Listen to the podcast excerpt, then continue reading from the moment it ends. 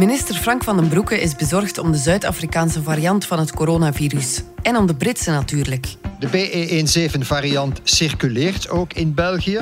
Om van de Zuid-Amerikaanse nog te zwijgen. En dat moet ons inderdaad zorgen baren.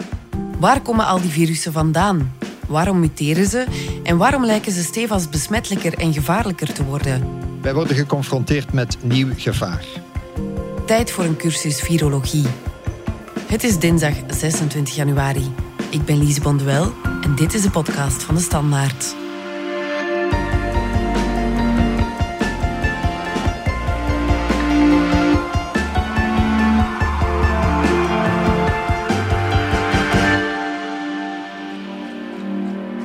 Maxi Eckert van onze wetenschapsredactie. Ja, we worden om de oren geslagen met berichten over nieuwe varianten die voet aan wal zetten in België.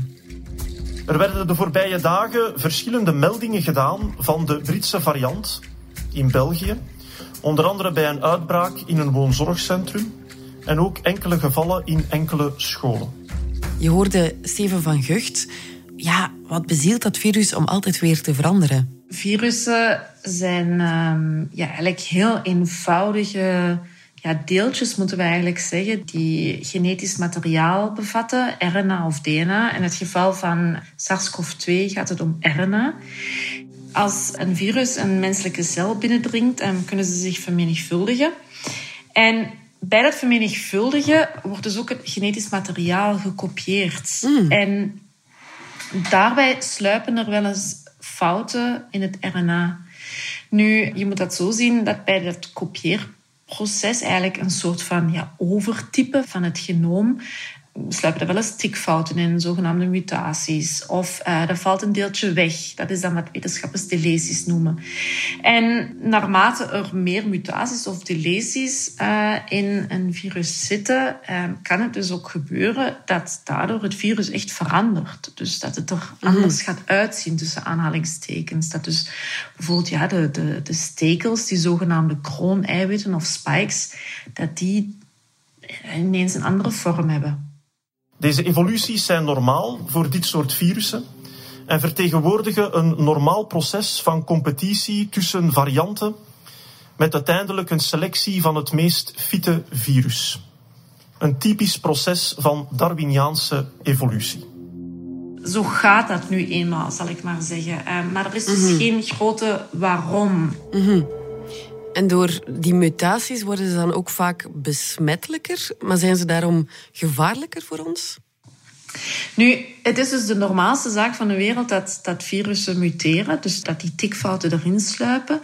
En in deze pandemie met SARS-CoV-2 was het eigenlijk zo dat men lange maanden dachten wetenschappers dat um, het virus eigenlijk redelijk stabiel was. Dus er werden wel mutaties gezien, wat zeer interessant is, omdat je op die manier eigenlijk de stamboom kunt opmaken van het virus en je kunt zien wie heeft wie besmet of hoe gaat het virus ook de wereld rond.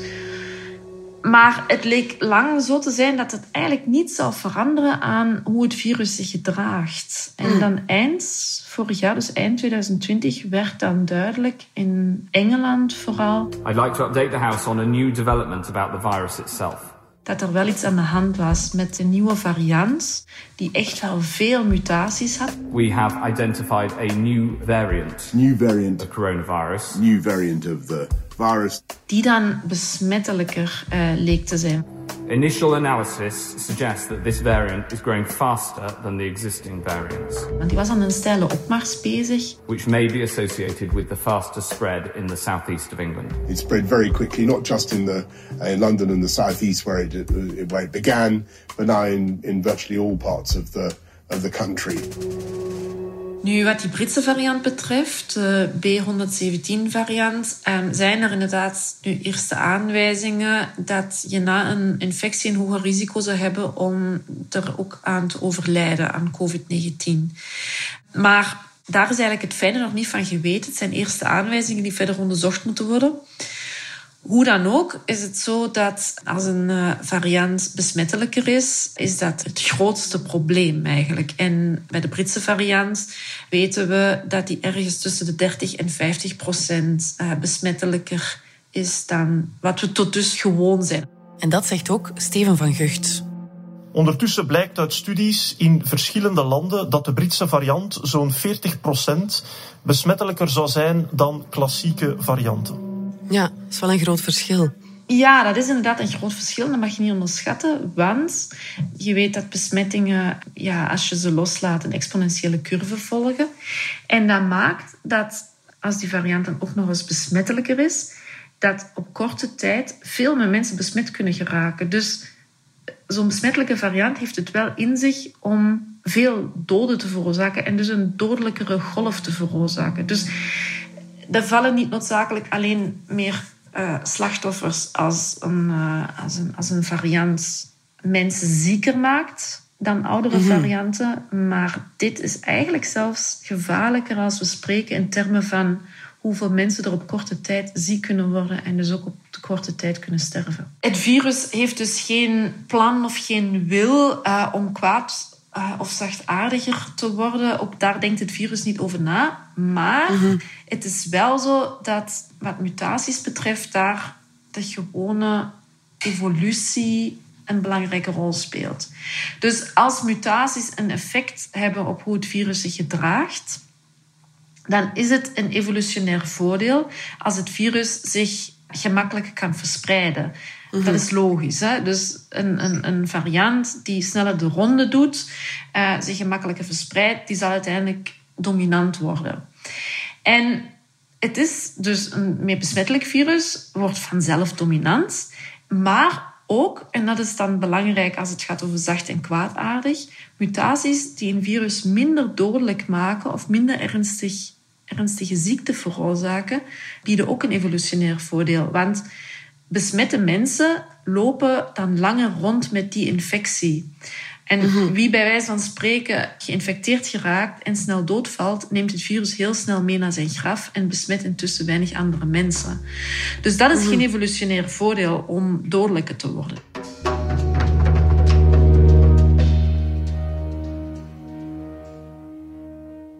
We willen er echter ook op wijzen dat er elders in de wereld nu ook regelmatig andere varianten geïdentificeerd worden, waarvan men ook vermoedt dat ze besmettelijker zijn.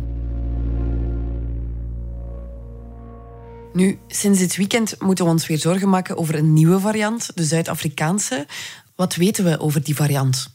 Die zogenaamde Zuid-Afrikaanse variant heeft een aantal mutaties die overeenkomen met de mutaties die we ook zien bij de Britse variant. En dan gaat het weer over veranderingen aan het uh, spike-eiwit, het zogenaamde kroon-eiwit, waarmee dat het virus zich kan vasthechten aan menselijke cellen en zo kan binnendringen.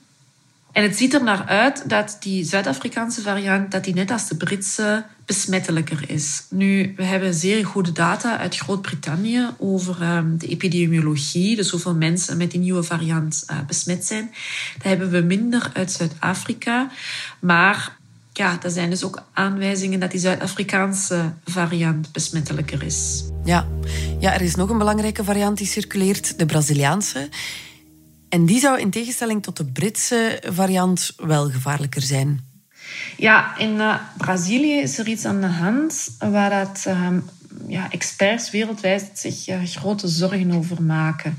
In de Amazonas, de deelstaat van Brazilië, is in de eerste golf die was daar zeer hevig. Um, er waren ook beelden die zijn de wereld rondgegaan van massagraven die daar uh, werden gegraven, omdat de begrafenisondernemers niet meer konden volgen. De mhm. grootste stad in de Amazonas, Manaus, daar zijn zoveel mensen besmet geraakt met de zogenaamde oude variant, dat de bevolking daar eigenlijk al groepsimmuniteit zou moeten hebben bereikt. Want drie kwart wordt geschat van de bevolking is al in contact gekomen met de oude variant.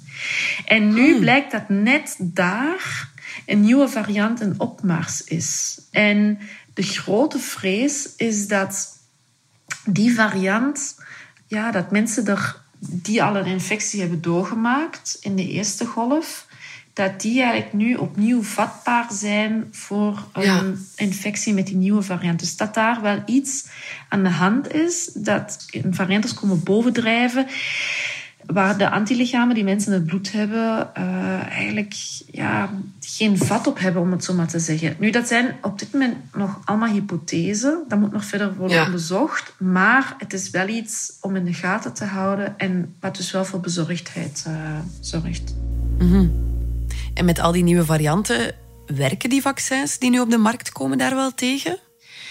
Ja, dat is een terechte zorg, want de vaccins die nu op de markt komen, die zijn erop gericht om een immuunreactie uit te lokken, dat wij antilichamen aanmaken, die het uh, krooneiwit van SARS-CoV-2 herkennen. Dus weer die zogenaamde spike.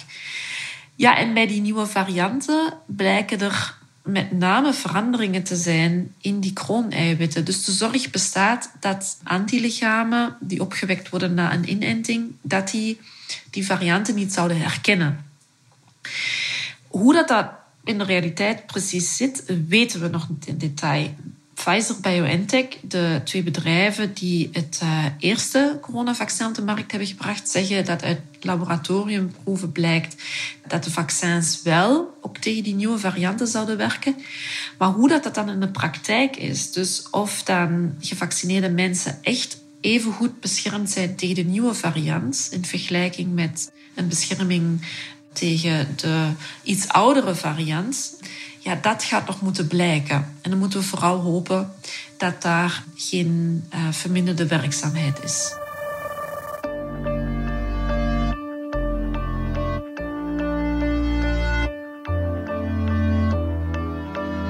We zijn zo terug na de reclame.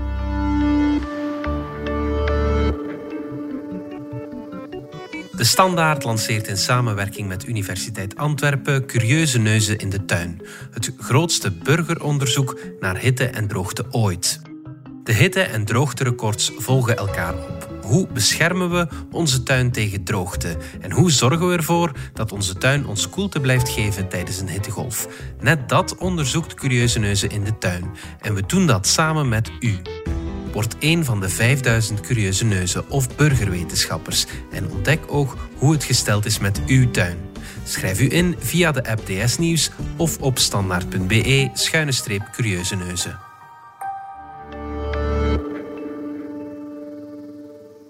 Zijn virussen dan levende wezens of hoe moet ik mij dat voorstellen?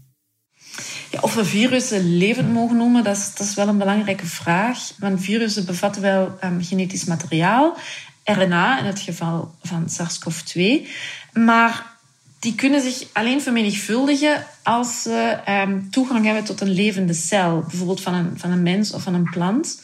Um, mm -hmm. Ze moeten een cel infecteren en ze kunnen niet op hun eigen zich vermenigvuldigen. En dat is wel een belangrijk verschil met iets dat echt levend is. Uh, ze hebben ook geen, geen eigen stofwisseling. Dus dat zijn allemaal mm-hmm. argumenten die er tegenspreken om te zeggen dat het levende dingen zijn. Ook al bevatten ze genetisch materiaal.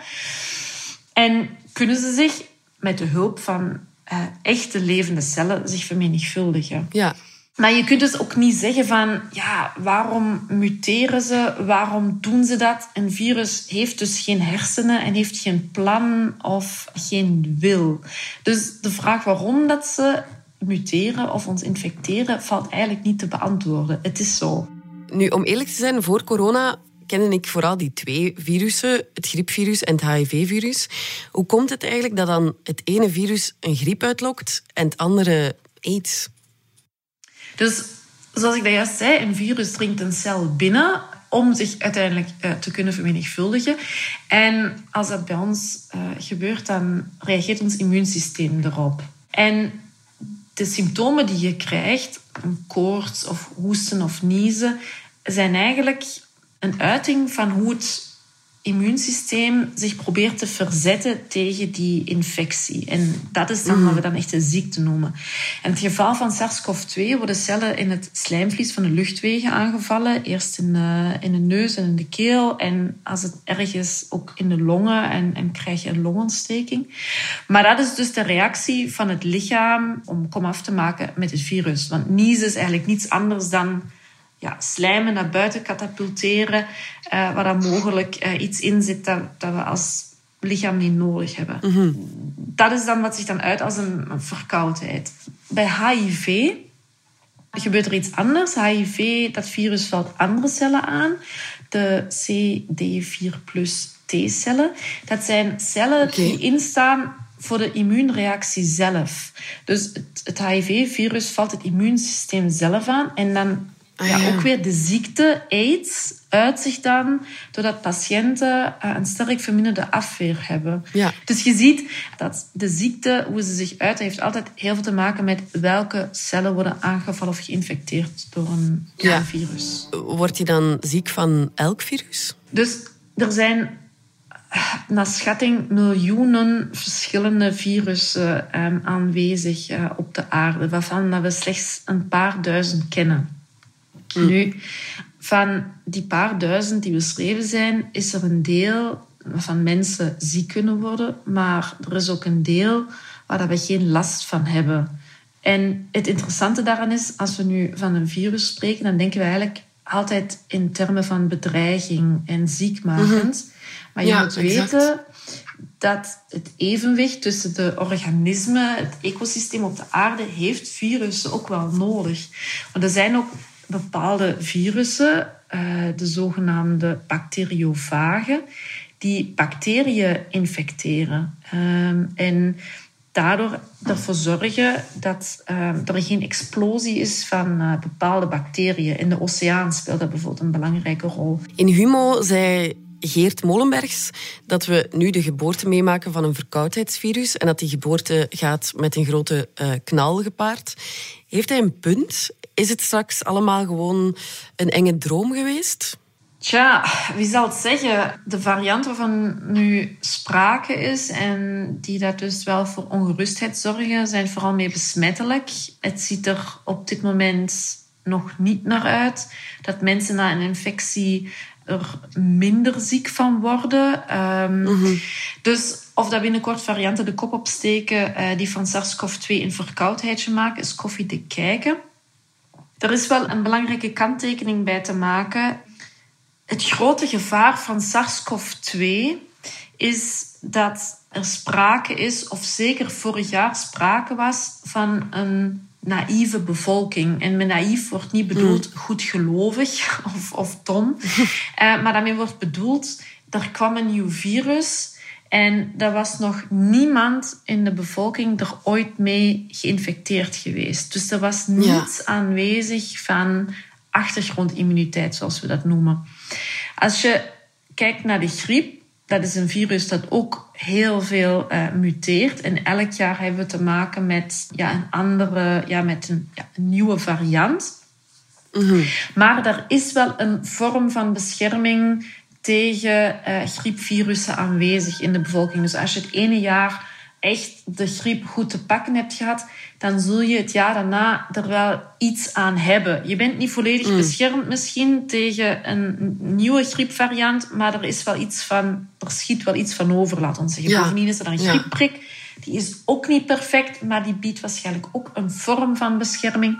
Maar dat was allemaal bij SARS-CoV-2 niet aanwezig. Dus de hevigheid waarmee dat we te maken hebben gehad in die eerste golf en dan ook in die tweede golf, heeft ermee te maken dat gewoon een groot deel van de bevolking vatbaar is.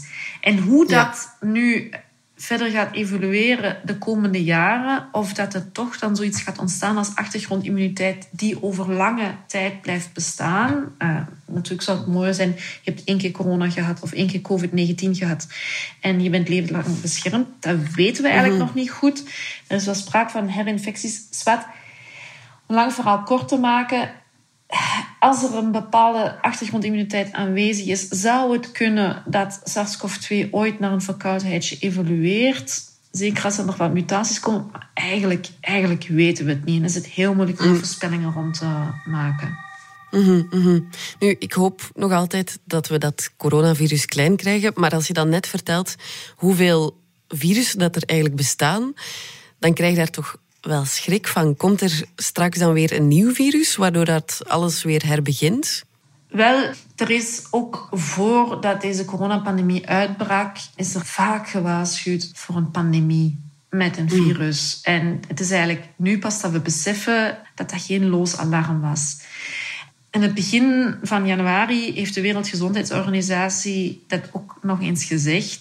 Ze heeft Mm. gezegd van, kijk, dit is nu een grote pandemie, maar misschien is het niet the big one.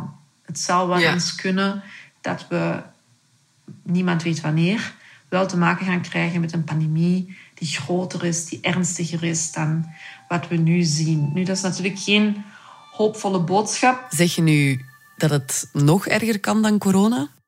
Ja, het is op dit moment natuurlijk al heel erg, maar het is ook wel zo, en dan moeten we ook wel zien, dat SARS-CoV-2, ja, dat er sprake is van een aantal meevallers. Als we bijvoorbeeld kijken naar de rol van de kinderen, ja, ten eerste wat hun besmettelijkheid betreft, die toch wel lager ligt dan bij volwassenen, waardoor ze niet de motor zijn van de epidemie. Enerzijds, anderzijds dat ze er weinig last van hebben, dat is wel een heel grote meevaller. Bij de Spaanse griep, 100 jaar geleden, zijn bijvoorbeeld heel veel twintigers en dertigers het slachtoffer geworden omdat zij dus nog helemaal geen bescherming hadden tegen een vorm van griep. Dus ehm, nu hebben we een grote kwetsbaarheid bij specifieke risicogroepen. En dat is natuurlijk verschrikkelijk, want we willen ook niet dat oude mensen sterven eh, in een pandemie. En we zien ook nu wat dat voor een eh, emotionele kost heeft. Ja. Maar als het nu zo zou zijn dat die sterfte, die hoge sterfte, niet alleen van toepassing zou zijn op oude, kwetsbare mensen, maar dus ook op kleine kinderen, jongvolwassenen, dat zal nog wel een heel ander verhaal zijn. En dus worden we gewaarschuwd dat een nieuw virus nog erger kan toeslaan dan dit. De Wereldgezondheidsorganisatie zegt dat ook vooral om te zeggen van alle landen moeten zien dat ze hun zaken op orde hebben, dat ze hun lessen trekken uit deze pandemie, wat werkt, wat niet werkt. Maar ik denk dat we het ook als een ja, iets ruimere waarschuwing moeten zien, want we hebben het voor een deel ook wel in de hand of dat een nieuwe pandemie eh, ontstaat. Want veel van die nieuwe virussen die bij de mens eh, de kop opsteken, die ons ziek maken, dat zijn virussen die overgesprongen zijn van dier op mens. En Ja. de manier hoe dat we onze aarde en land gebruiken, werkt dat in de hand dat vaker virussen zullen overspringen van dier op mens. Want we pakken veel habitat van dieren af. Daardoor Ja. eh, leven ze dichter op elkaar, verspreiden zich eh, virussen bij dieren gemakkelijker. De mens dringt allemaal ja, dieper door in gebieden waar voorheen geen mensen kwamen. Dus er is meer contact tussen dier en mens.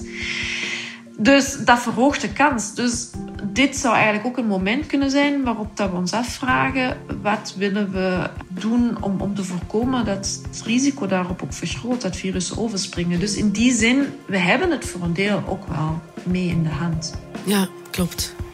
Maxi Eckert, dankjewel. Graag gedaan.